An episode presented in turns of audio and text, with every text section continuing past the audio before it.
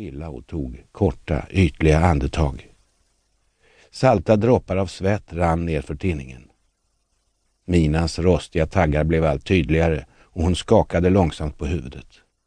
Bitterheten över att vara så nära målet utan att nå fram sköljde över henne och hon vände sig till den Gud hon förnekat i så många år och viskade en bön. När det skilde mindre än tio meter kom en kraftig våg. Minan vred sig långsamt bort från färjan. Med nästa våg vidgades luckan ytterligare och snart var avståndet 20 meter. Kvinnan andades långsamt ut. Dieselmotorerna varvades upp för att resan mot Sverige skulle kunna fortsätta och hon sjönk ner på fartygsdäcket med ryggen mot relingen. Hennes händer skakade och hon satte dem mellan sina knän. Den upprörda och förtvivlade stämningen byttes mot glada skratt och tillrop när faran nu var över. Men oron ville inte lämna kvinnan vid relingen. Minan var en varning. Ett tecken på att hon aldrig mer skulle vara i säkerhet. Klockan var strax efter tio på förmiddagen, onsdagen den 2 maj 1945, när färjan Malmöhus anlände till hamnen i Malmö. Resan var den första av totalt tre turer som kapten Kronberg och hans besättning skulle göra över Öresund den dagen. Kvinnan vid relingen lämnade fartyget samtidigt som personal från Röda Korset strömmade ombord för att leda eller bära de kvinnor som var för svaga eller sjuka för att själva orka ta sig i land. På kajen möttes hon av många nyfikna människor som ivrigt kommenterade vad de såg på ett språk hon inte förstod. De var välklädda och hade runda kinder och när kvinnan tog ett djupt andetag doftade det salt och tång istället för svavel och aska. Det var som att träda in i ett himmelrike. När hon stigit i land drogs hon åt sidan av en vitklädd ung man iförd munskydd. Den glasögonprydde mannen tittade i hennes öron, undersökte ögonen, kände på hennes hals med svala fingrar och kontrollerade pulsen. Innan hon fick gå vidare bad han henne att öppna munnen.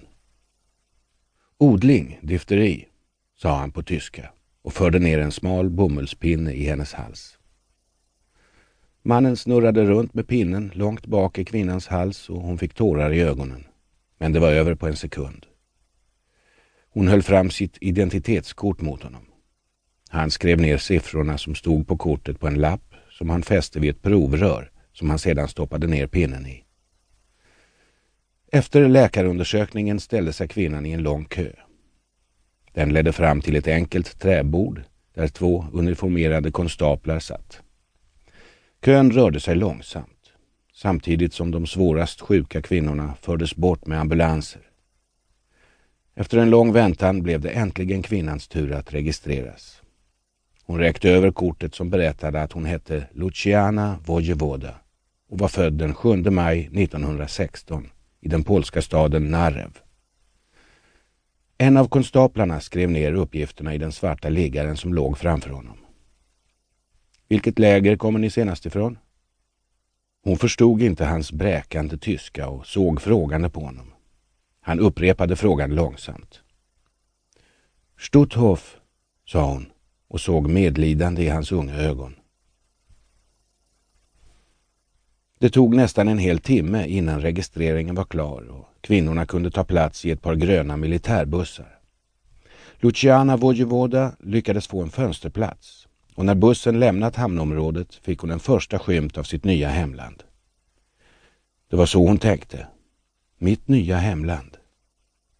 Och det nya hemlandet var grönt och rent och husfasaderna låg inte i ruiner och människorna på trottoarerna log och ingen av dem hade en gul davidsstjärna fastsydd på det vänstra bröstet.